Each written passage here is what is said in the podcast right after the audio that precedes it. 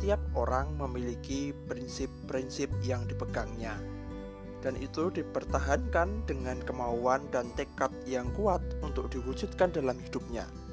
Salah satu prinsip yang dipegang ialah menjaga diri dari hal-hal yang dianggap tidak baik dan tidak sesuai dengan keyakinan yang dianutnya.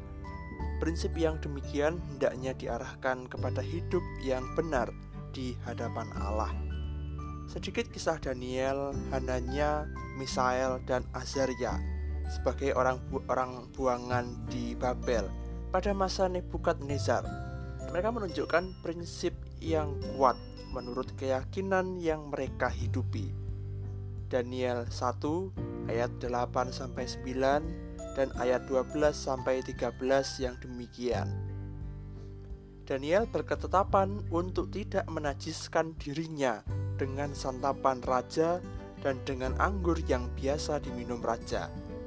Dimintanyalah kepada pemimpin pegawai istana itu supaya ia tidak usah menajiskan dirinya.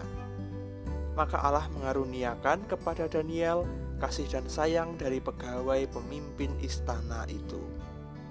Adakanlah percobaan dengan hamba-hambamu ini selama sepuluh hari dan biarlah kami diberikan sayur untuk dimakan dan air untuk diminum. Sesudah itu bandingkanlah perawakan kami dengan perawakan orang-orang muda yang makan dari santapan raja. Kemudian perlakukanlah hamba-hambamu ini sesuai dengan pendapatmu.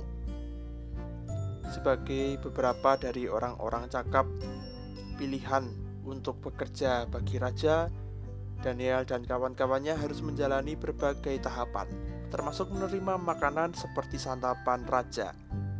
Bagi Daniel dan kawan-kawannya ada bagian-bagian dari santapan raja yang merupakan larangan dari keyakinannya. Ada pendapat bahwa hal ini juga terkait dengan ritus penyembahan berhala oleh Raja Babel. Oleh karena itu, Daniel meminta sayur dan air untuk makanan mereka dengan jaminan bahwa mereka akan tetap sehat secara fisik, bahkan lebih baik perawakannya daripada mereka yang makan dari santapan raja.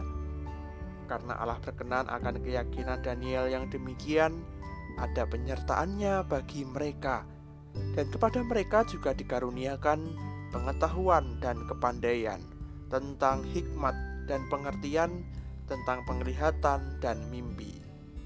Setiap dari kita ada prinsip hidup yang kita pegang dan kita yakini ada kekuatan dan kebaikan dalam prinsip itu. Dalam perkenanan Allah, prinsip yang kita pegang akan disertai olehnya sehingga kita dimampukan untuk menegakkan prinsip itu dengan benar sesuai kehendak Allah untuk mendatangkan kebaikan.